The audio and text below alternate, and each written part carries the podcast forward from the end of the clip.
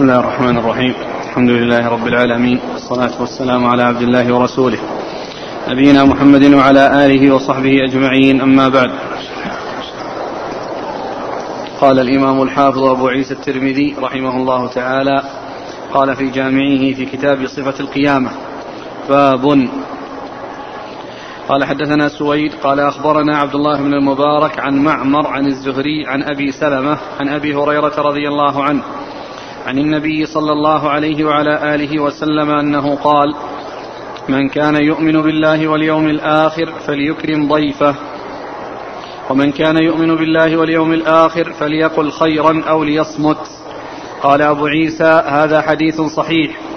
وفي الباب عن عائشة وأنس وأبي شريح العدوي الكعبي الخزاعي واسمه خويلد بن عمرو رضي الله عنهم أجمعين.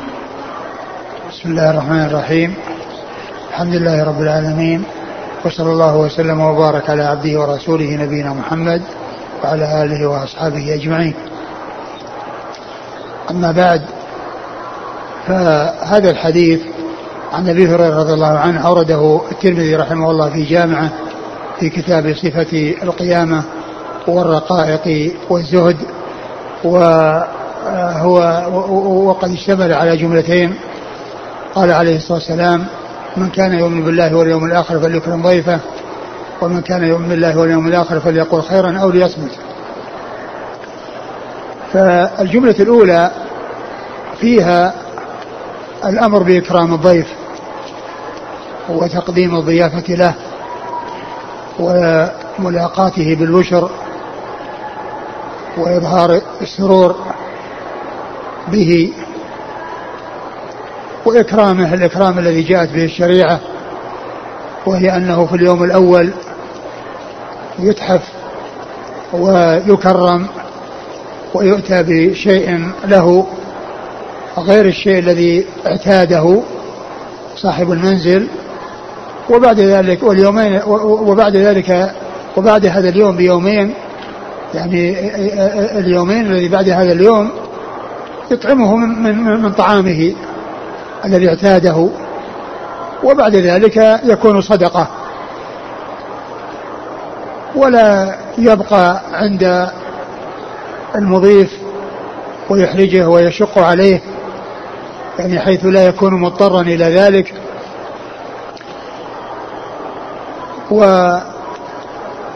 والحديث والجملة الثانية من, قال من كان يؤمن بالله واليوم الآخر فليقل خيرا أو ليصمت يعني أنه إذا كان متكلما فلا بد أن يكون الكلام في خير وإلا السكوت والصمت وعدم الإقدام على الكلام.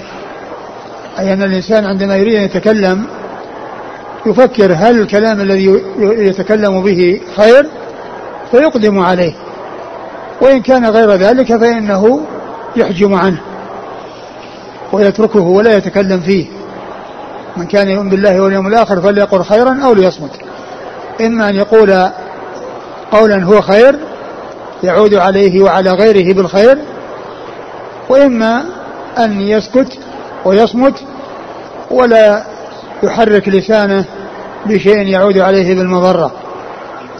وقد جاءت الأحاديث الكثيرة في خطر اللسان وأن حفظه فيه مصلحة للإنسان وقد جاء في الحديث الصحيح عن النبي صلى الله عليه وسلم أنه قال من يضمن لي ما بين لحييه وما بين رجليه يضمن له الجنة. ما بين لحييه لسانه وبين رجليه فرجه. وكذلك حديث وصية الرسول صلى الله عليه وسلم لمعاذ بن جبل وفي آخرها قال عليه الصلاة والسلام لمعاذ لما قال وإنا لمؤاخذون بما تكلموا به. قال ثكلتك أمك يا معاذ وهل يكب الناس في النار على وجوههم وقال على مناخرهم إلا حصائد ألسنتهم. ثم إنه ذكر في كل من الجملتين ذكر الإيمان بالله واليوم الآخر. جمع بين الإيمان بالله والإيمان باليوم الآخر. ويأتي كثيرا في النصوص في الكتاب والسنة الجمع بين هذين الركنين أو الأصلين من أصول الإيمان وهما الإيمان بالله واليوم الإيمان باليوم الآخر. الإيمان بالله لأنه أصل الأصول ولأن كل شيء يبنى عليه ومن لم يؤمن بالله لم يؤمن بالأصول الأخرى ولا بغيرها وأما اليوم الآخر فلأن فيه التذكير بالمبدأ والم... بالتذكير بالمعاد والحشر والحساب والجزاء على الأعمال فيكون إن كان في باب الترغيب يقدم على فعل ما رغب فيه كما جاء في هذا الحديث. لأن الحديث ترغيب من كان يؤمن بالله واليوم الآخر فليكرم ضيفه من كان يؤمن بالله واليوم الآخر فليقل خيرا وليصمت.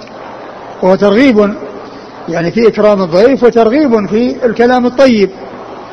وترغيب في الكلام الطيب. وإن كان نهيا فإنه يبتعد عنه. كما جاء في الحديث لا يحل لامرأة تؤمن بالله واليوم الآخر أن تسافر لا مع ذي محرم. هذا ترهيب.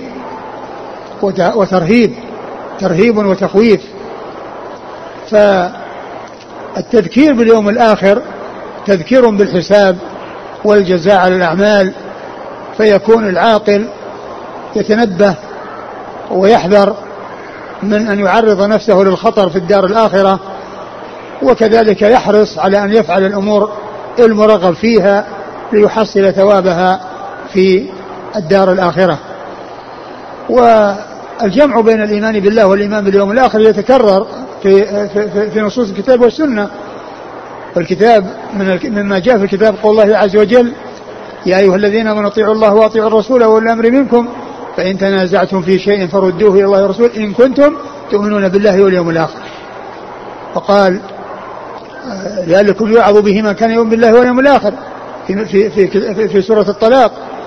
فالجمع بين الإيمان بالله واليوم الآخر جاء في الكتاب وجاء في السنة وفيه ويكون أحيانا في الترغيب وأحيانا في الترهيب. نعم. قال حدثنا سويد. سويد بن نصر المروزي ثقة أخرجه الترمذي والنسائي. عبد الله بن المبارك. هو المروزي ثقة أخرجها أصحاب الكتب الستة. عن معمر. ابن راشد الأزدي البصري ثم اليماني ثقة. أخرج له أصحاب الكتب الستة. عن الزهري. والزهري محمد بن مسلم بن عبيد الله بن شهاب. الزهري ثقة أخرج أصحاب الكتب الستة. عن أبي سلمة. وأبو سلمة بن عبد الرحمن بن عوف. هو ثقة فقيه. أحد فقهاء المدينة السبعة في عصر التابعين. لا أحد إلى قول الثلاثة في السابع منهم. وحديثه أخرجه أصحاب الكتب الستة. وأبو هريرة عبد الرحمن بن صخر الدوسي رضي الله عنه أكثر الصحابة حديثا قال وفي الباب عن عائشة أم المؤمنين رضي الله عنها وأرضاها الصديقة بنت الصديق وهي ممن أكثر رواية عن رسول الله صلى الله عليه وسلم. وأنس. وأنس بن مالك خادم النبي صلى الله عليه وسلم وهو من السبعة المكثرين من حديث رسول الله صلى الله عليه وسلم. وأبي شريح العدوي الكعب الخزاعي واسمه خويلد بن عمرو. أخرج حديثه. أصحاب الكتب. نعم. يقول السائل ما الفرق بين الصمت والسكوت؟ آه الصمت يعني قيل إنه أخص يعني من السكوت الشارح ذكر الفرق بينهما إيش قال؟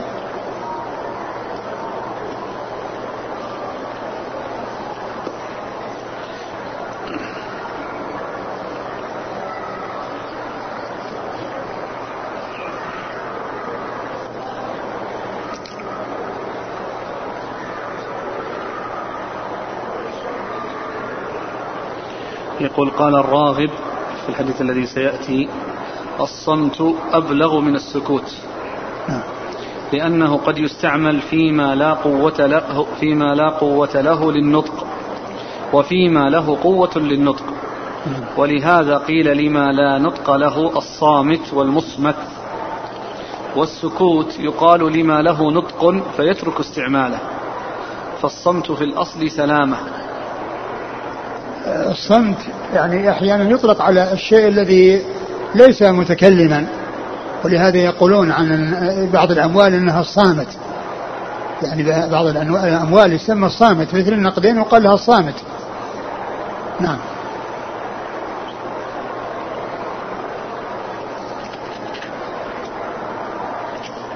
قال حدثنا قتيبة قال حدثنا ابن لهيعة عن يزيد بن عمرو المعافري عن أبي عبد الرحمن الحبلي عن عبد الله بن عمرو رضي الله عنهما أنه قال قال رسول الله صلى الله عليه وسلم من صمت نجا. قال أبو عيسى هذا حديث غريب لا نعرفه إلا من حديث ابن لهيعة.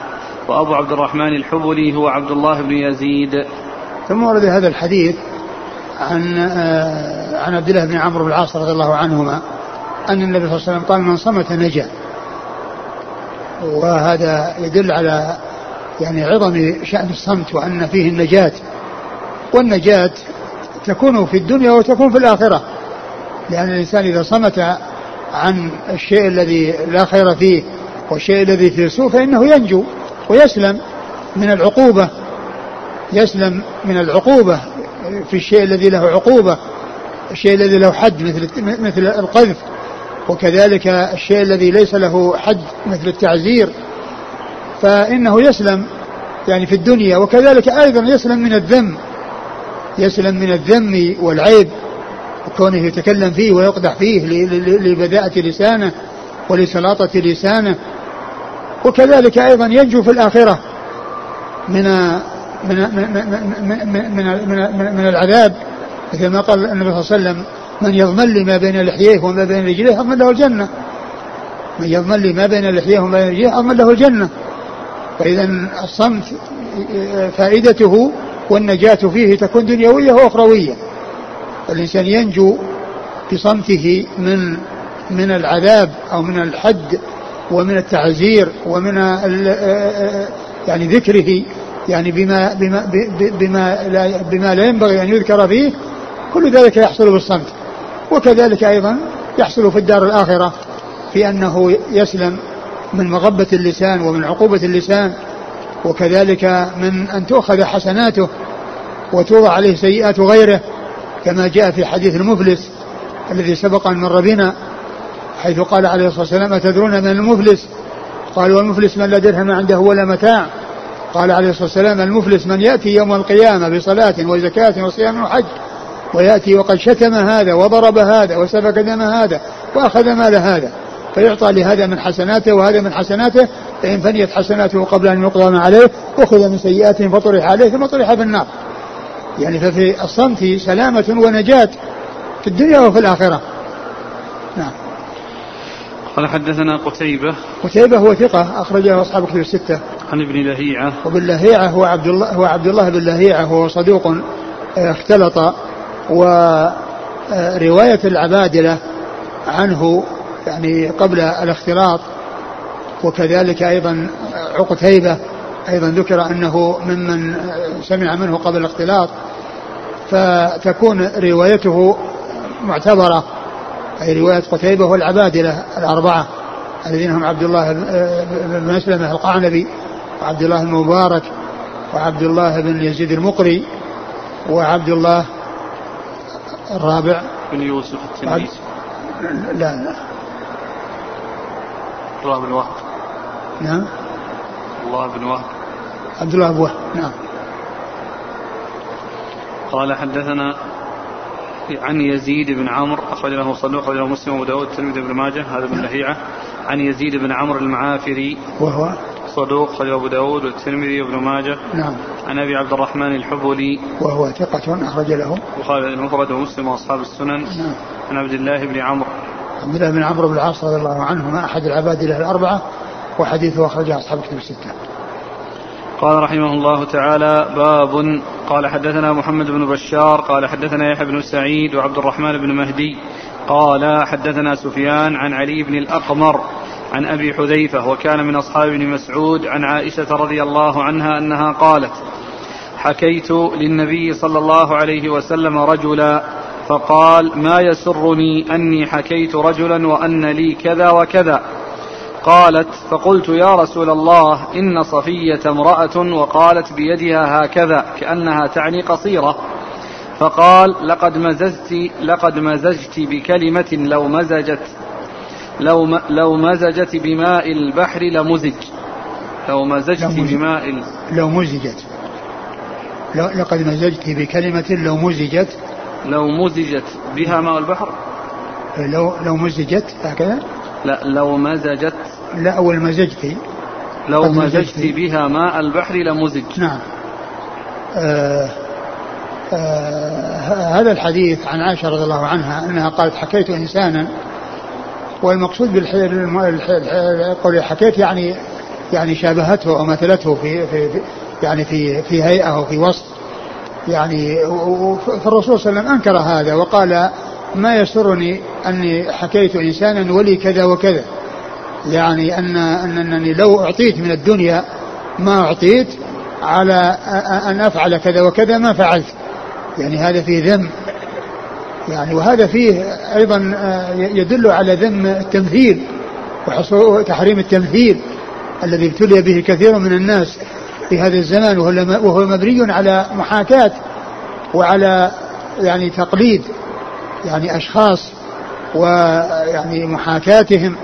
وكذلك أيضا آه، آه، قال وقالت عن صفية يعني وأشارت بيدها كأنها يعني تريد أنها قصيرة وقال عليه السلام لقد مزجت بكلمة يعني مزجت أعمالك بكلمة لو مزجت أو لمزجت بها ماء البحر لمزجت لمزجته أي لغيرت لونه ولشدتها ولخطورتها هذا البحر العظيم لو مزج بكلمة يعني فيها عيب وفيها تنقص لأحد لكانت آه، بهذا الوصف الذي بينه رسول الله صلى الله عليه وسلم وهو يدل على تحريم آه، آه، التنقص بالناس وذكر يعني معايبهم أو ذكر يعني شيء يعني فيه إساءة إليهم نعم قال حدثنا محمد بن بشار هو الملقب من دار ثقة أخرج أصحاب كتب الستة. عن يحيى بن سعيد هو القطان ثقة أخرج أصحاب كتب الستة. وعبد الرحمن بن مهدي. عبد الرحمن بن مهدي ثقة أخرج أصحاب كتب الستة. وهما بصريان ومن أئمة الجرح والتعديل يحيى بن سعيد القطان وعبد الرحمن بن مهدي. وقد ذكر الذهبي في كتاب من يعتبر يعتمد قوله في الجرح والتعديل يعني هذين من أئمة الجرح والتعديل. وقال إنهما إذا إذا جرح شخصا لا يكاد يندمل جرحه. إذا جرح شخصا أو اتفق على جرح شخص فإنه لا يكاد يندمل جرحه يعني أنهما يصيبان يصيبان الهدف ويصيبان فيما قالاه نعم عن سفيان سفيان هو الثوري ثقة أخرج أصحاب في الستة. عن علي بن الأقمر وهو ثقة أخرج أصحاب في الستة. عن أبي حذيفة من أصحاب ابن مسعود وهو ثقة أخرجه مسلم وداود والترمذي والنسائي. نعم. عن عائشة. نعم. قال حدثنا هناد قال حدثنا وكيع عن سفيان عن علي بن الأقمر عن أبي حذيفة عن عائشة رضي الله عنها أنها قالت قال رسول الله صلى الله عليه وسلم ما أحب أني حكيت أحدا وأن لي كذا وكذا قال أبو عيسى هذا حديث حسن صحيح وأبو حذيفة هو كوفي من أصحاب ابن مسعود ويقال اسمه سلمة بن صهيبة. نعم. قال حدثنا هناد. هناد بن السري ثقة أخرجه البخاري في خلق أفعال العباد ومسلم وأصحاب السنة. عن وكيع وكيع بن الجراح الرؤاسي الكوفي ثقة أخرج أصحابه الستة. عن سفيان عن علي بن أكبر عن أبي حذيفة عن عائشة. يقول السائل هل مثل الرسول صلى الله عليه وسلم لكذا أو كذا أم أنه قال كذا وكذا نصا إيش هل مثل هل مثل النبي صلى الله عليه وسلم لكذا وكذا؟ قال وقال لقد قلت كلمة لم أزل ما لم زلته هذا كلام الرسول صلى الله عليه وسلم. لا وأن لي كذا وكذا وأن لي لا هو هذا هذا كناية. يعني كناية عن الشيء الذي ذكر. وهو لا شك أنه يعني الرسول ذكر يعني شيئا ولكنه كني عنه بكذا وكذا. نعم.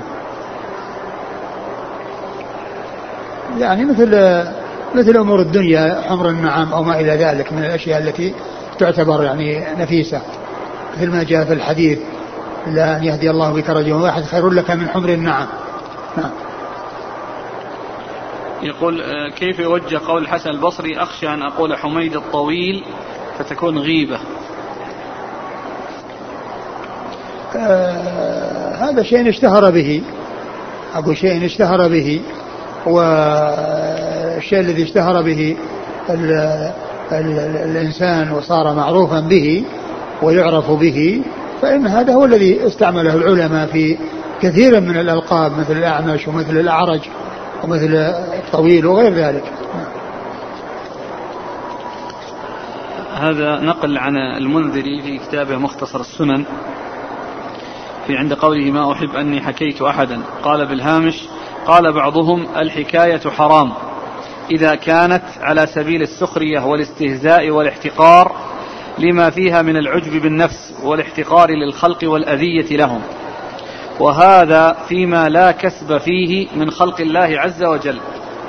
فإذا كان مما يكسبون فإن كان في معصية جازت حكايتهم على طريق الزجر فيما لا يذهب بالوقار والحشمة.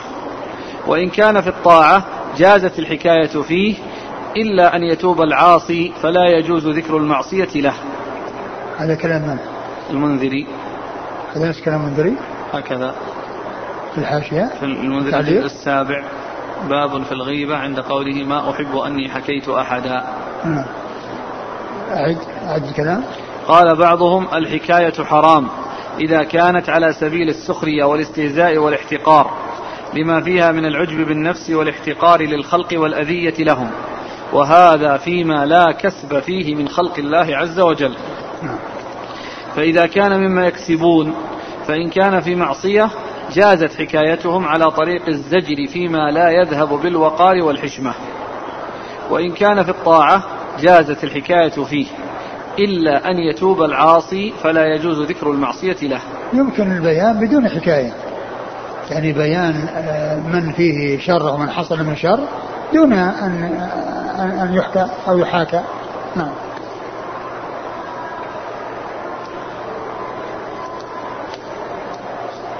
يقول آه، إذا كانت المحاكاة من باب المزاح واللعب مع الصغار لا يراد بها محاكاة أحد بعينه.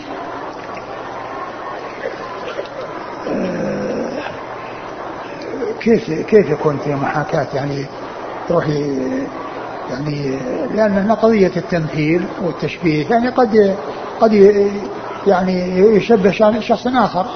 أقول يشبه شخص آخر وإن لم يكن معروف. ثم أيضا هذا في تعويد في تعويد وجعل الصبيان يستمرئون هذا الشيء ويستعملونه في من هو معروف. نعم. يقول هل تقليد أصوات القراء بدون تعمد يدخل في المحاكاة؟ إذا كان إذا كان هذه طبيعة الإنسان وهذا الذي أعطاه الله هذا شيء ما فيه إشكال. وأما كل إنسان يتعمد ويقصد ويتكلف لا شك أن هذا مذموم. أما شيء لا علاقة الإنسان به وأنه الله أعطاه مثل ما أعطى هذا وأن صوته مثل صوت هذا وكلامه مثل كلام هذا خلقة وجبلة هذا شيء ليس الإنسان في كسبه وإنما المحذوف الشيء الذي يكون فيه إرادة وفيه قصد. نعم. جاء أن النبي صلى الله عليه وسلم ذكر نبيا من الأنبياء آذاه قومه كأني قال كأني أراه يمسح الدم عن وجهه هكذا أو كما قال صلى الله عليه وسلم. هذا ما فيه يعني هذا المقصود الإشارة إلى أنه كأنه يشاهده. وهذا فيه يعني بيان أن الرسول صلى الله عليه وسلم يخبر أو ما أخبر به عن الأمور المغيبة لم يكن عن مشاهدة ولكنه كالمشاهدة بمعنى أنه يخبر عن شيء كالمشاهدة وإن كان غير مشاهد مثل ما قال الله عز وجل وما كنت آآ آه، آآ آه، آآ آه، وما كنت لديهم إذ يختصمون. وما وفي ذلك من وكذلك في قصة أصحاب يوسف ذلك من أنباء الغيب نوحي إليك وما كنت لديهم إذ أجمعوا أمرهم وهم يمكرون. يعني ما كنت معهم ولكنك تحكي هذا الشيء كأنك موجود معهم. ولهذا جاء في بعض الأحاديث كأني أنظر إلى موسى ابن عمران وهو قد هبط من الوادي يلبي وكذلك عن يونس كأني أنظر إلى يونس وقد انحدر من الوادي يلبي. يعني معناه أنه يخبر عن شيء كأنه يشاهد وإن لم يكن مشاهدا. نعم. وأيضا وصف النبي صلى الله عليه وسلم طفلا يرتضع من أمه ووضع إصبعه, إصبعه في فمه صلى الله عليه وسلم. هذا كما هو معلوم. هذا يعني توضيح للمعنى مثل ما مر بنا قريبا يعني في مسألة اللجام. يعني آه، يلجمه العرق ووضع إصبعه يعني حتى يبين. نعم. إذا كان من يحاكى ويمثل به يرضى ويسر لذلك لا يغضب. لا ما يصلح. تمثيل ما يصلح ولو راضي. نعم. لأنه كذب كما هو معلوم. قال رحمه الله تعالى باب قال حدثنا إبراهيم بن سعيد الجوهري قال حدثنا أبو أسامة قال حدثنا بريد بن عبد الله عن أبي بردة عن أبي موسى رضي الله عنه أنه قال سئل رسول الله صلى الله عليه وسلم أي المسلمين أفضل؟ قال من سلم المسلمون من لسانه ويده. هذا حديث صحيح غريب من هذا الوجه من حديث أبي موسى. ثم ورد أبو عيسى حديث أبي موسى الأشعري أن النبي صلى الله عليه وسلم سئل عن المسلم يعني المسلم حقا وإلا فإن المسلم هو من شهد لا إله إلا الله وأن محمد رسول الله. سئل أي المسلمين أفضل؟ أي المسلمين أفضل؟ أي المسلمين أفضل؟ فقال من شاء من سلم المسلمون من لسانه ويده. يعني معناه أن أهل الإسلام متفاوتون. وبعضهم أفضل من بعض. وقد جاء في بعض الأحاديث أنه قال ذلك بدون سؤال. قال المسلم من سلم المسلمون من لسانه ويده. هذا في صحيح البخاري وصحيح مسلم. يعني عن عن عن عن, عن أنس. عن أنس وعن أبي هريرة. ليس عن طريق أبي موسى. المسلم من سلم المسلمون. يعني المسلم حقا.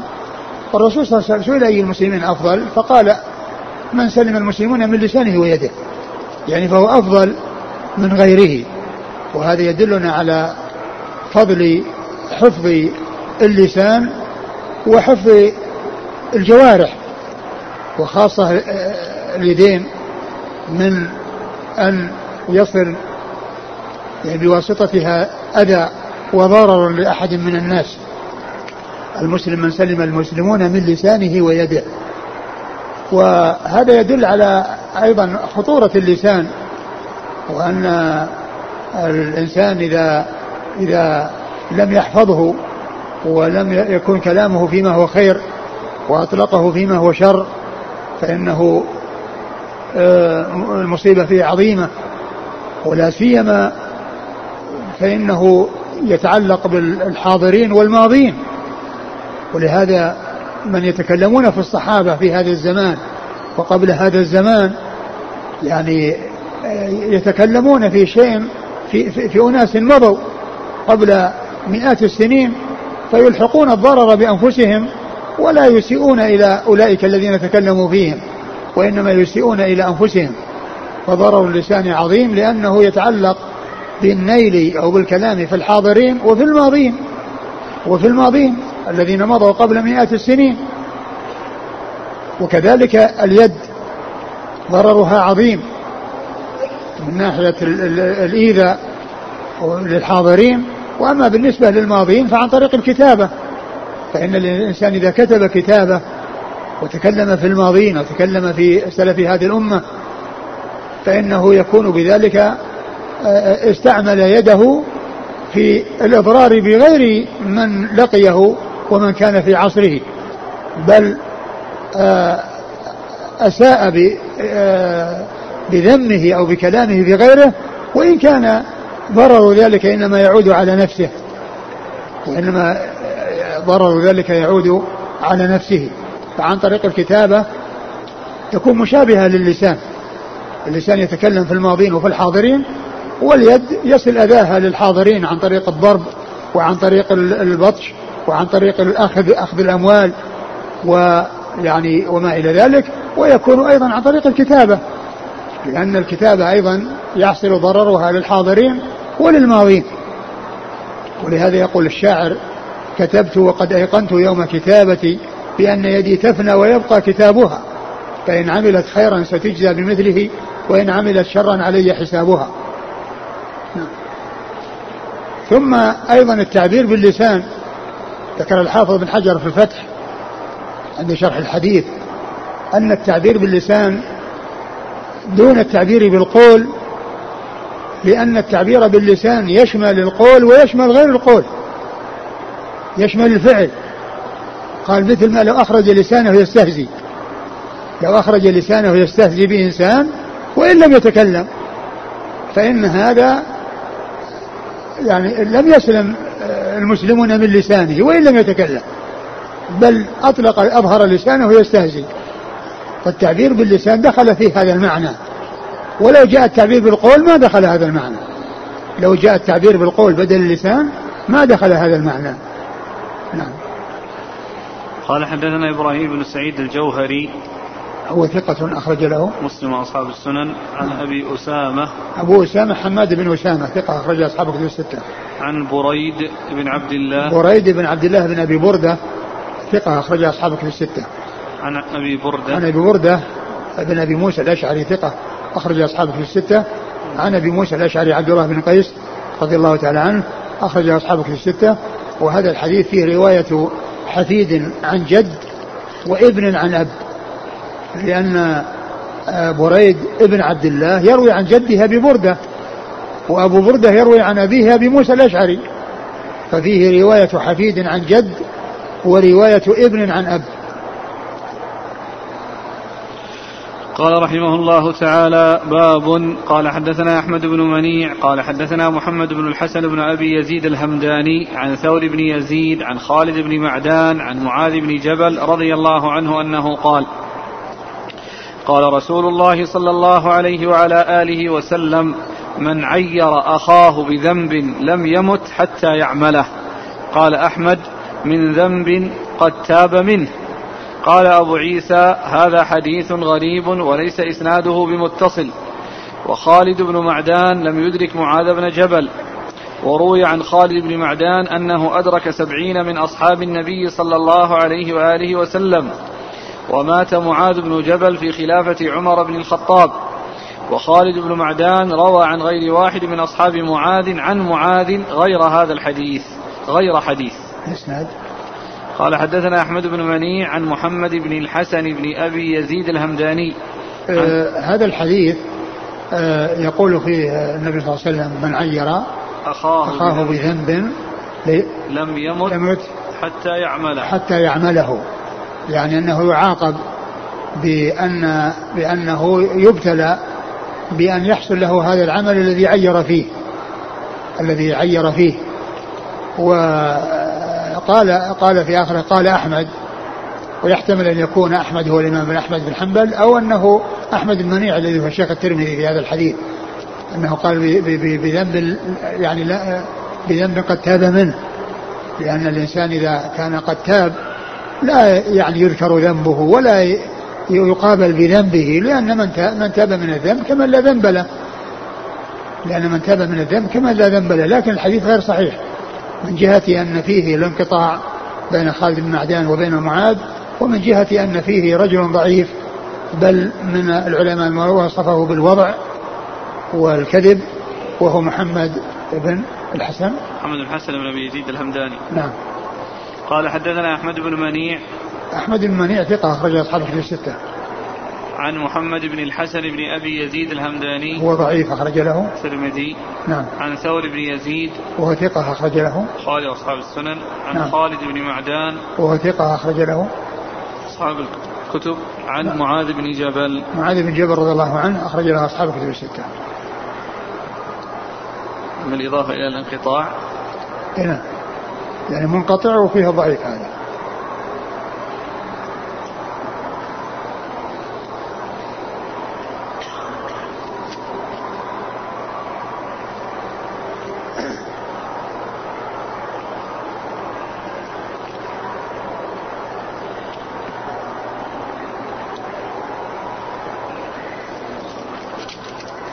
قال رحمه الله تعالى باب. قال حدثنا عمر بن إسماعيل بن مجالد الهمداني قال حدثنا حفص بن غياث حا قال وأخبرنا سلمة بن شبيب قال حدثنا أمية بن القاسم الحذاء البصري قال حدثنا حفص بن غياث عن برد بن سنان عن مكحول عن واثلة بن الأسقع رضي الله عنه أنه قال قال رسول الله صلى الله عليه وعلى آله وسلم لا تظهر الشماتة لأخيك فيرحمه الله ويبتليك. قال هذا حديث حسن غريب ومكحول قد سمع من واثلة بن الأسقع وأنس بن مالك وأبي هند الداري. ويقال إنه لم يسمع من أحد من أصحاب النبي صلى الله عليه وآله وسلم إلا من هؤلاء الثلاثة. ومكحول شامي يكنى أبا عبد الله وكان عبدا فأعتق. ومكحول الأزدي بصري سمع من عبد الله بن عمر يروي عنه عمارة بن زاذان. قال حدثنا علي بن حجر قال حدثنا إسماعيل بن عياش عن تميم بن عطية قال كثيرا ما كنت أسمع مكحولا يسأل فيقول ندانم ثم أورد أبو عيسى هذا الحديث عن عن واثلة بن الأسقع. عن واثلة بن الأسقع رضي الله عنه أن النبي صلى الله عليه وسلم قال لا تظهر الشماتة بأخيك فيرحمه الله ويبتليك. لا تظهر الشماتة بأخيك أنك تفرح. بما يحصل له من ضرر فيعافيه الله عز وجل ويبتليك لأنك أظهرت الشماتة فيه الشماتة به. لا تظهر الشماتة بأخيك. فيرحمه الله. فيرحمه الله ويبتليك. يعني أن أنه يتجاوز عنه ويعفو عنه و أو يعني يسلمه من ما حصل له من عيب وضرر ويبتليك أنت بحصول الضرر أو بحصول الذنب الذي أنت أظهرت الشماتة به. نعم. قال حدثنا عمر بن إسماعيل بن مجالد الهمداني. هذا متروك أخرج له الترمذي. عن حفص بن غياث. وهو ثقة أخرج له. أصحاب الكتب. نعم. حا قال وأخبرنا سلمة بن شبيب. وهو ثقة أخرج له. مسلم وأصحاب السنن. نعم. عن أمية بن القاسم الحذاء البصري. نعم قال عليه. قال صدوق. أخرج له الترمذي. صدوق أخرج له الترمذي. وقيل أن هذا الحديث من من مناكيره. يعني هذا الحديث قيل أنه من مناكير يعني آه هذا الرجل. والطريق الأول فيه المتروك. وهذا الطريق فيه يعني هذا وقيل إنه من مناكيره. نعم. عن؟ عن حفص بن غياث عن برد بن سنان برد بن سنان هو صدوق غير البخاري في المفرد وأصحاب السنن. نعم. عن مكحول. عن مكحول وهو ثقة أخرج له. خارج القراءة ومسلم وأصحاب السنن. وهو كثير الإرسال. هو كثير الإرسال ويحتمل أن يكون فيه إرسال أيضا. نعم. عن واثلة من الأسقع. واثلة من الأسقع رضي الله عنه أخرج أصحاب كتب الستة. قال مكحول قد سمع من واثل بن الأسقع وأنس وأبي هند الداري ويقال إنه لم يسمع من أحد من أصحاب النبي صلى الله عليه وسلم إلا من هؤلاء الثلاثة. ومكحول شامي يكنى أبا عبد الله وكان عبدا فأعتق. يعني هناك اثنان مكحول الشامي هذا هو الذي معنا في الإسناد ومكحول آخر مصري الأزدي بصري الأزدي بصري. نعم البصري. وذكره من أجل التشابه يعني في الاسم. نعم. قال سمع من عبد الله بن عمر يروي عنه عمارة بن زاذان نعم ثم قال حدثنا علي بن حجر علي بن حجر بن إياس السعدي ثقة أخرجه أخرجه البخاري ومسلم والترمذي والنسائي. عن إسماعيل بن عياش إسماعيل بن عياش هو صدوق في روايته عن آه، غير الشاميين. روايته في رواية عن أهل بلده. عن أهل نعم صدوق في روايته عن أهل بلده وهو من الشام. نعم ومخلط في غيرهم أخرج له البخاري في في جزء في جزء رفع اليدين وأصحاب السنن. نعم. عن تميم بن عطية وهو صدوق. يهم أخرجه الترمذي. نعم. قال كثيرا ما كنت أسمع مكحول يسأل فيقول ندانم. ندانم هي بمعنى لا أدري. كلمة لا أدري إذا سئل يعني يقول ندام يعني ندايم ندايم. ندانم. ندانم يعني أنه لا بمعنى لا أدري. قلنا لا أدري بالفارسية. نعم.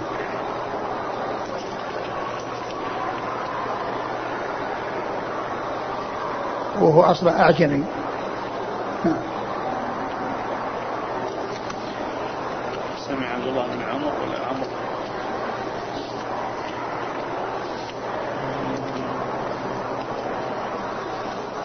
بن عمر الصواب غلط يقول هل يناسب هذا ال هذه الأحاديث؟ قول الشاعر احذر لسانك أن تقول فتبتلى إن البلاء موكل بالمنطق. نعم هذا كلام صحيح.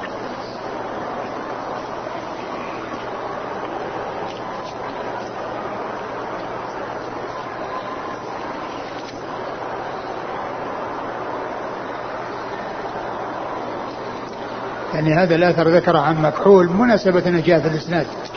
الإسناد الذي قبله ذكر هذا الإسناد إليه أنه كان إذا سئل ولا يكون عنده جواب يقول ندانم أي لا أدري. يقول ما حكم تعيير شخص بشيء لم يكن فيه؟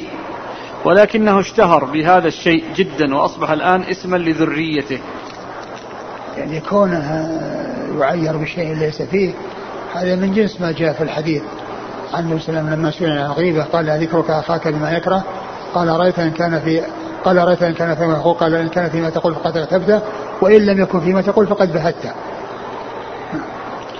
قال رحمه الله تعالى باب قال حدثنا أبو موسى محمد بن المثنى قال حدثنا ابن أبي عدي عن شعبة عن سليمان الأعمش عن يحيى بن وثاب عن شيخ من أصحاب النبي صلى الله عليه وسلم عن النبي صلى الله عليه وآله وسلم أنه قال المسلم إذا كان مخالطا الناس ويصبر على أذاهم خير من المسلم الذي لا يخالط الناس ولا يصبر على أذاهم. قال أبو موسى قال ابن أبي عدي كان شعبة يرى أنه ابن عمر. آه، أورد أبو عيسى هذا الحديث عن شيخ من أصحاب النبي صلى الله عليه وسلم وقال أن شعبة يرى أنه ابن عمر يعني هذا الشيخ. وقد جاء في بعض الأسانيد في بعض يعني الروايات آه، بالإسناد إلى ابن عمر. يعني ثم أيضا لو لم يعرف آه، أنه ابن عمر فإن ذلك لا يؤثر لأن آه، المجهول من أصحاب الرسول صلى الله عليه وسلم في حكم معلوم والجهالة في الصحابة لا تؤثر. فيكفي أن يضاف أو ينسب إلى أنه من أصحاب الرسول صلى الله عليه وسلم. فإذا قيل عن رجل من أصحاب النبي أو قال رجل من أصحاب النبي خلاص الحديث معتبر. لأن الصحابة رضي الله عنهم وأرضاهم آه، الجهالة فيهم لا تؤثر إنما تؤثر في غيرهم وفي من دونهم. فالمجهول فالمبهم من غيرهم آه، يقدح. يعني في وجوده في الإسناد يقدح فيه. ولكن بالنسبة للصحابة لا يؤثر ذكر المبهم فيهم لأن المجهول فيهم في حكم المعلوم. وظنه ذكره أظن عند عند عند ابن ماجه اللي هو الحديث وفيه عن ابن عمر. نعم. قال حدثنا المتن قال إيش؟ المسلم إذا كان مخالطا للناس ويصبر على أذاهم خير من المسلم الذي لا يخالط الناس ولا يصبر على نعم أذاهم. نعم المسلم الذي يخالط الناس ويصبر على أذاهم خير من من يعتزلهم لأنه إذا خالطهم وصبر على أذاهم ويعني أيضا لا سيما إذا كان في بقائه معهم نفع لهم من النصح والتوجيه وتحذيرهم من الأمور الضارة وترغيبهم فيما يعود عليهم بالنفع لا شك أن هذا أولى من الاعتزال. نعم. قال حدثنا أبو موسى محمد بن المثنى. هو محمد المثنى العنزي الملقب بالزمن وهو ثقة أخرج أصحاب كتب الستة وهو شيخ لأصحاب كتب الستة وهو مشهور بكنية أبو موسى. مشهور بكنية أبو موسى ولهذا الحافظ بن حجر في تهذيب التهذيب عندما يذكر شيوخ الراوي أو تلاميذه يعبر عنه بأبي موسى. روى عنه فلان وفلان وأبو موسى. أو روى عن, أبي عن فلان وفلان وأبي موسى. وهو مشهور بكنيته. وإذا جاء في تلاميذ في تهذيب التهذيب يعني في تلاميذ الرجل أو شيوخه أبو موسى فالمقصود بمحمد المثنى. نعم. عن ابن أبي عدي عن شعبة. ابن أبي عدي ثقة أخرج أصحابه في الستة وشعبة أبو الحجاج ثقة أخرج أصحابه في الستة. عن سليمان الأعمش. هو ثقة أخرج أصحابه في الستة. عن يحيى بن وثاب هو؟ ثقة أخرج أصحاب الكتب إلا أبو داود. نعم. عن شيخ من أصحاب النبي صلى الله عليه وسلم. نعم. فائدة مخالطة الناس لنشر العلم من أفضل أعمال البر. ذكر الذهبي رحمه الله في سير علام النبل الجزء الثامن صفحة 114 في ترجمة الإمام مالك رحمه الله. قال الحافظ ابن عبد البر في التمهيد إن عبد الله العمري العابد كتب إلى مالك يحضه على الانفراد والعمل. إليه مالك إن الله قسم الأعمال كما قسم الأرزاق فرب رجل فتح له في الصلاة ولم يفتح له في الصوم وآخر فتح له في الصدقة ولم يفتح له في الصوم وآخر فتح له في الجهاد. فنشر العلم من أفضل أعمال البر وقد رضيت بما فتح لي فيه. وما أظن ما أنا فيه بدون ما أنت فيه وأرجو أن يكون كلانا على خير وبر. وقال الذهبي كذلك في خاتمة, في خاتمة ترجمة الإمام مالك كان هذا الإمام من الكبراء السعداء والسادة العلماء ذا حشمة وتجمل وعبيد ودار فاخرة ونعمة ظاهرة. ورفعة في الدنيا والآخرة. كان يقبل الهدية ويأكل طيبا ويعمل صالحا. وما أحسن قول ابن المبارك فيه؟ صموت إذا ما الصمت زين أهله. وفتاق أبكار الكلام المختم. وعى ما وعى القرآن من كل حكمة. وب... وسيطت. أو وسطت له الآداب. لا. سيطت؟ وسيطت له الآداب باللحم والدم. سيطت ولا سيقت. لا بالطاء كاتبة بالطاء. بالضاء. بالطاء. بالطاء. نعم. انتهى. كلام جميل رحمة الله عليه. نعم.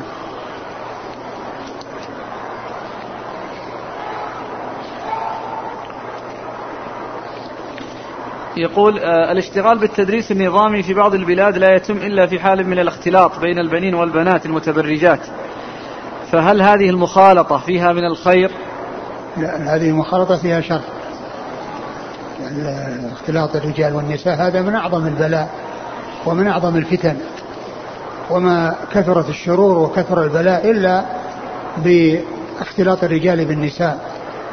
ومن المعلوم أن الشريعة جاءت بمنع الاختلاط بين الرجال والنساء وجاء بل, بل جاء في القرآن يعني أن الأمم السابقة كان فيهم ترك الاختلاط كما ذكره الله عز وجل في قصة موسى في سورة القصص ولما ورد ماء مدين وجد عليه أمة من الناس يسقون ووجد من دونهم امرأتين تذودان قال ما خطبكما؟ قالتا لا نسقي حتى يصدر الرعاء وأبونا شيخ كبير لأنهم ينتظرون حتى ما يزاح من الرجال. وأبوهم شيخ كبير ما يستطيع يأتي حتى يسقي مع الرجال. وقد جاءت مضطرة يعني مضطرة اضطرارا وانتظرتا حتى يخرج يخلص الرجال من سقي أغنامهم. فلما أخبرتا موسى بخبرهما سقى لهما سقى رجل مع الرجال. فهذا في الأمم السابقة. ترك الاختلاط كان موجود. ترك الاختلاط كان موجود. بل كان يعني ترك يعني بل كان الحجاب يعني و و و موجود يعني في كثير من البلاد الإسلامية. وقد ذكر الشيخ علي الطنطاوي في ذكرياته أن أن أن أن, أن امرأة وكيلة مدرسة يعني جاءت في يوم من الأيام كاشفة وجهها. فحصل يعني يعني ضجة وحصل يعني لهذا العمل. وكان أبوها مشهور وقال إنه كان وزير وكان يعني كذا. و يعني حصل يعني شيء عظيم من الناس استعظموا هذا الأمر حتى أنهم منعوها. بعد ذلك من من من, من هذا من هذا العمل. فكشف الحجاب والسفور والاختلاط هذا هو سبب كل بلاء وسبب كل شر. وابن القيم رحمه الله في كتابه آه، آه، الطرق الحكمية يقول لو يعلم ولاة الأمر ما في الاختلاط من البلاء على يعني آه، على على الدنيا لكانوا أشد منعا من ذلك يعني لأنه هو سبب لكل بلاء في في الحياة. يعني لو كان يعني لو يعلمون ما فيه من الضرر أو يتصورون ما فيه ضرر لكانوا أشد الناس منعا لذلك. لأن الزنا والفجور وقلة الحياة كلها تأتي بانفلات النساء. نعم. لعل السائل يريد أن يسترشد أنه هو العمل التدريس. هل ترون أن بقاءه في هذه المدرسة فيه خير ويصبر على الأذى لا هذا؟ لا لا لا يخالط النساء ولا يختلط مع النساء وإنما على على الرجال أن يعملوا على أن يفصل الرجال عن النساء والنساء عن الرجال وتكون دراسة النساء على حدة والرجال على حدة. يعملون هذا العمل ويجتهدون في, في تحصيله أو يوجدون مدارس خاصة بهذه الطريقة ويدرسون بها. نعم. يقول آه، ما رأيكم في قول الشاعر لقاء الناس ليس يفيد شيئا سوى الهذيان من قيل وقال فأقلل من لقاء الناس إلا لأخذ العلم أو إصلاح حالي. اللقاء الذي يترتب عليه مضرة هو الذي يترك واللقاء الذي فيه مصلحة هو الذي يحرص عليه. رجل يدخل عبر الوسائل الحديثة في شبكة الإنترنت فيجعل لنفسه ساعة ينصح الشباب بالكلام معهم وتحذيرهم من الشر وترغيبهم في الخير. هل هذا عمل يشجع عليه؟ أعد السؤال. رجل يدخل عبر, عبر الوسائل الحديثة في شبكة الإنترنت فيجعل لنفسه ساعة ينصح الشباب بالكلام معهم وتحذيرهم من الشر أو ترغيبهم في الخير. فهل هذا عمل يشجع عليه؟ لا شك. هذا عمل جيد يعني كونه كونه يعني آآ آآ يكون له إفادة يعني للناس وتحذير الناس من الشر. ما دام أن البلاء هذا وجد وشر مستطير فكونه يكون بعض الناس فيه من أهل النصح والإرشاد والتوجيه يعني لا شك أن الفائدة عظيمة. قال رحمه الله تعالى باب. قال حدثنا أبو يحيى محمد بن عبد الرحيم البغدادي. قال حدثنا معل بن منصور. قال حدثنا عبد الله بن جعفر المخرمي هو من ولد المسور بن مخرمة.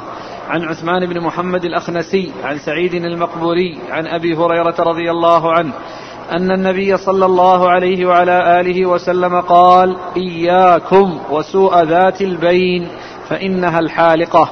قال أبو عيسى هذا حديث صحيح غريب من هذا الوجه ومعنى قوله وسوء ذات البين إنما يعني العداوة والبغضاء وقوله الحالقة يقول إنها تحلق الدين.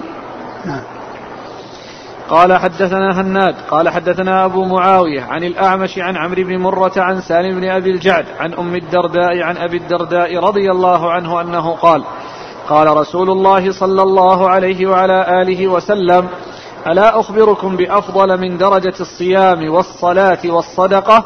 قالوا بلى قال صلاح ذات البين فإن فساد ذات البين هي الحالقة.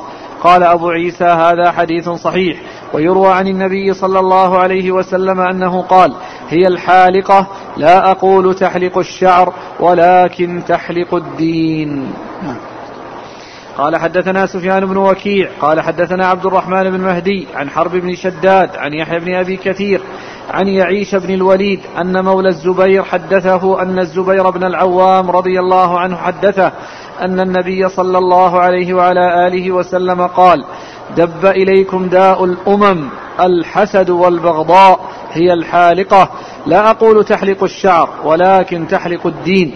والذي نفسي بيده. لا تدخلوا الجنة حتى تؤمنوا ولا تؤمنوا حتى تحابوا. أفلا, أفلا أنبئكم بما يثبت ذاكم لكم؟ أفشوا السلام بينكم. قال أبو عيسى هذا حديث قد اختلفوا في روايته عن يحيى بن أبي كثير فروى بعضهم عن يحيى بن أبي كثير عن يعيش بن الوليد عن مولى الزبير عن النبي صلى الله عليه وسلم ولم يذكروا فيه عن الزبير. ثم ورد أبو عيسى هذه الأحاديث التي تتعلق بإصلاح ذات البين والتحذير من فسادها والمقصود من ذلك آه، آه، اجتماع القلوب وتآلفها وعدم النفرة وعدم الفرقة وعدم العداوة والبغضاء بين المسلمين التي آه، تجعل تخل في دينهم وتخل في أخلاقهم. وتفسد فيما بينهم ويكونون متباعدين متنافرين ولهذا جاء في آه، بعض الروايات قال لا أقول تحلق الشعر ولكن تحلق الدين لما وصفها بأنها الحالقة. يعني معناه أن خطرها على الدين وعلى الضعف ضعف الإيمان وعلى ضعف اليقين. آه، أن, أن, أن, أن, أن, أن, أن ذلك خطير وعظيم. فهي لا تحلق الشعر كما هو معروف مشاهد الذي فيه إزالة الشعر وإنما فيه يعني حصول الضرر في الدين. هذه الأحاديث فيها الحث على إصلاح ذات البين وعلى التحذير من فسادها وعلى الابتعاد عن كل ما فيه البغضاء والعداوة وأن يكون فيه التقارب والتآلف والتناصح وأن يفشي المسلمون السلام فيما بينهم. على من يعرفونه ومن لا يعرفونه. وهذا مما يثبت المودة والتآلف والتقارب بين الناس. والله عز وجل يقول يسألونك عن الأنفال قل الأنفال لله ورسوله فاتقوا الله وأصلحوا ذات بينكم وأطيعوا الله ورسوله إن كنتم مؤمنين. فإصلاح ذات البين شأنه عظيم وفساد ذات البين خطير وفيه المفاسد العظيمة. وقد بين النبي صلى الله عليه وسلم خطر خطورته وشدته بقوله فإنها الحالقة ثم قوله لا أقول تحلق الشعر ولكن تحلق الدين. نعم. قال حدثنا أبو يحيى محمد بن عبد الرحيم البغدادي. هو الملقب صاعقة وهو ثقة أخرج له. البخاري وأبو داود والترمذي والنسائي. نعم. عن المعلى بن منصور. وهو؟ ثقة أخرج أصحاب الكتب. نعم. عن عبد الله بن جعفر المخرمي. هو ليس به بأس أخرج نعم. البخاري تعليقا ومسلم وأصحاب السنن. نعم. عن عثمان بن محمد الأخنسي وهو صدوق له أوهام أخرج أصحاب السنن. عن سعيد المقبري هو ثقة أخرج أصحاب كتب الستة. عن أبي هريرة. نعم. قال حدثنا هناد عن أبي معاوية. محمد بن خازم الضرير الكوفي ثقة أخرج أصحاب كتب الستة. عن الأعمش عن عمرو بن مرة. وهو ثقة أخرج أصحاب كتب الستة. عن سالم بن أبي الجعد. وهو ثقة أخرج له. أصحاب الكتب. نعم. عن أم الدرداء. من دردة وهي هجيمة التابعية وهي التي تأتي في الرواية وهي صغرى وهي ثقة أخرج أصحاب كتب الستة. وأما أم الدرداء الكبرى واسمها خيرة فهذه صحابية وليس لها رواية. نعم. عن أبي الدرداء. وأبو الدرداء عويمر رضي الله عنه أخرج أصحاب كتب الستة. قال حدثنا سفيان بن وكيع. وهو صدوق اختلط صدوق ابتلي بوراق ابتلي بوراقه فأدخل في حديثه ما ليس منه. فنصح فلم يقبل فترك حديثه. أخرج له. الترمذي وابن ماجه. نعم. عن عبد الرحمن بن مهدي عن حرب بن شداد. هو؟ ثقة أخرج أصحاب الكتب إلا ابن ماجه. عن يحيى بن أبي كثير. هو اليمامي اليمامي وهو ثقة أخرج أصحابه في الستة. عن يعيش بن الوليد. هو؟ أخرج أبو داود والترمذي والنسائي نعم. عن مولى الزبير. مم، وهذا مجهول. اسمه نعم. لم يحكم عليه لكن نعم. سماه خباب. كذا وقع عند الطبراني. آه. ذكره الحافظ في المبهمات ولم يحكم عليه. رمز له بالترمذي. قال نعم. اسم المولى خباب. آه. سماه الطبراني ورمز له بتاء. هذا فين؟ في في المبهمات في الأخير. الآخر؟ إيه؟ ما ذكر فيه شيء غير هذا. على كل هو مبهم يعني هو المبهم آه، يعني آه، ما عرف شخصه حتى يعني تعرف حاله. ومعلوم أن الإبهام في غير الصحابة أنه يؤثر. الإبهام في غير الصحابة يؤثر وفي الصحابة لا يؤثر كما عرفنا قريبا عند ذكر الشيخ الذي هو ابن عمر رضي الله تعالى عن- عنهما في في نسخة هذا أبو الأشبال حكم من عنده وضع بين قوسين الحكم من عنده مجهول. مجهول نعم. عن الزبير بن العوام. الزبير بن العوام رضي الله عنه هو أحد العشرة المبشرين بالجنة وحديثه أخرجه اصحاب كتب الستة. انتهى؟ أي باب. والله أعلم وصلى الله وسلم وبارك على عبده ورسوله نبينا محمد وعلى آله وأصحابه أجمعين. جزاكم الله خيرا وبارك الله فيكم. ألهمكم الله الصواب ووفقكم للحق ونفعنا الله ما سمعنا غفر الله لنا ولكم وللمسلمين أجمعين آمين.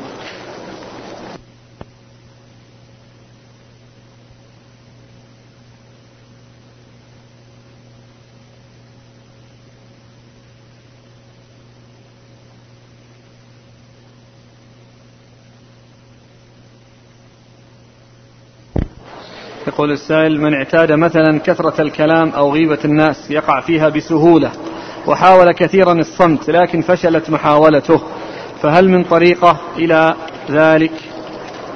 نعم الطريقة إلى أنه يكون شجاع ويكون يعني عنده قوة تقابل نفسه الأمارة بالسوء والشيطان وذلك بالحذر والتفكير في العواقب التفكير بالآثار الوخيمة. التي تترتب على ذلك فيحذر من الوقوع في شيء يلحق عليه ضررا في الدنيا والآخرة. وعندما تحدث نفسه بكلام لا ينبغي يشغل نفسه بكلام ينبغي وبكلام فيه خير يعني فيه ذكر الله أو في دعوة إلى خير أو توجيه إلى خير. والحاصل أن الإنسان يجتهد في مجاهدة نفسه ومجاهدة مجاهدة نفسه الأمارة بالسوء ومجاهدة الشيطان وذلك بالبعد عن كل ما يعود عليه بالمضرة وفعل كل ما يعود عليه بالخير. هذان سؤالان. الأول يقول هل الرد على أهل الأهواء والأخطاء يكون إيذاء؟ وهل الراد عليهم يكون من المجاهدين؟ الثاني يقول هل الجرح والتعديل والتحذير من المخالفين. يخالف حديث المسلم من سلم المسلمون إلى آخره. آه، أهل البدع والرد عليهم وبيان يعني ضلالهم وحتى يحذر وحتى آه، يقمع ويبين يعني فساد ما هم عليه وأن الحق بخلاف ما هم, عليه. هذا أمر مطلوب لأن بيان ضلال من ضل من أهل البدع. الذين آه، خالفوا السنن وارتكبوا الأمور المنكرة في عقائدهم. يجب يعني كشف حالهم وبيان حالهم وهذا لا شك إنه من الجهاد في سبيل الله. وهذا من الجهاد باللسان والجهاد بالقلم. الجهاد باللسان والقلم يعني بيان يعني آه، تحذير من أهل البدع هذا أمر مطلوب. وش الثاني؟ الثاني يقول الجرح والتعديل والتحذير من المخالفين. هل يخالف حديث المسلم من سلم المسلمون من لسانه ويديه؟ إذا كان مقصود بها للبدع والتحذير منهم فهذا مطلوب. وهذا من صفات المسلم الكامل الذي يحرص على سلامة الناس وتحذيرهم من أهل البدع. وأما إذا كان المخالف يعني من أهل السنة وحصل من خطأ فإنه يناصح ويؤخذ آه، آه، يعني صوابه وينبه على خطئه حتى لا يغتر به. نعم. يقول عندنا في كوسوفا مدرسة دينية. ليس فيها اختلاط خاصة بالبنات لكن لأجل عدم وجود معلمات اضطررنا لأن يكون المعلمين هم الذكور فيقومون بالتدريس. فما حكم ذلك؟ والله المشكلة لا تزال قائمة ولكن بعض الشر يهون بعض ولكن عليكم أن تجتهدوا على أن آه، تحصلوا معلمات من النساء يعلمن النساء. فالنساء يعلمن النساء والرجال يعلمون الرجال. نعم. وهذا يستدل على جواز التدريس للاختلاط. يقول كان صلى الله عليه وسلم يجتمع بالمسلمين في دار الأرقم من أبي الأرقم رجالا ونساء. أفلا يدل على إجازة ذلك للعلم؟ آه كما هو معلوم الرجال والنساء أولا ما أعرف يعني الطريقة التي كان بها يتم هذا الذي أشار إليه هل هو صحيح وغير صحيح. ولا شك أنهم لا يختلطون ولكن كونها تكون معهم ويكونوا متأخرين متأخرات مثل ما يحصل في المسجد هذا يمكن. ولكن الشأن في في حصول الاختلاط ومع لا سيما مع التعري الموجود في هذا الزمان والتجمل وأن المرأة يعني تأتي بكمال زينتها والشيطان موجود يعني يقرب الرجل من المرأة والمرأة من الرجل فهذا شر وبلاء. وأما حصول الاجتماع في مكان واحد والنساء متأخرات مثل ما كنا يجتمعنا في يصير في مصلى العيد هن على حدة والرجال على حدة وكذلك المسجد الرجال في المقدمة والنساء في المؤخرة وقد قال صلى الله عليه وسلم خير صفوف الرجال أولها وشرها آخرها وخير صفوف النساء آخرها وشرها أولها. فبين أنه عند هذا الاجتماع الرجال يكونوا متباعدين عن النساء والنساء يكونوا متباعدات عن الرجال. يقول الاستدلال بآية ما أنذر آباؤهم فهم غافلون على أن العرب في فترتهم ناجون. هذا ليس بصحيح. يعني أولا الفترة يعني فيه ناس آه، بلغتهم الرسالة. ولهذا يعني كما جاء في الحديث يعني إن في بقايا من أهل الكتاب. والرسول صلى الله عليه وسلم كان يتعبد يعني قبل أن يبعث. وكان يعني هذا التعبد يعني آه، كما يعني جاء أنه على يعني دين إبراهيم وعلى ما كان عليه إبراهيم الخليل عليه الصلاة والسلام. فال ففي ناس يعني بلغتهم آه، الديانة وديانة يعني رسالات الأنبياء ومن لم تبلغه هو الذي يصير من أهل الفترة الذي آه، يمتحن يوم القيامة. وأما من بلغته الرسالة وبلغته الدعوة فهذا فهذا قد كفر وصار من الكفار بعد أن عرف الحق. نعم.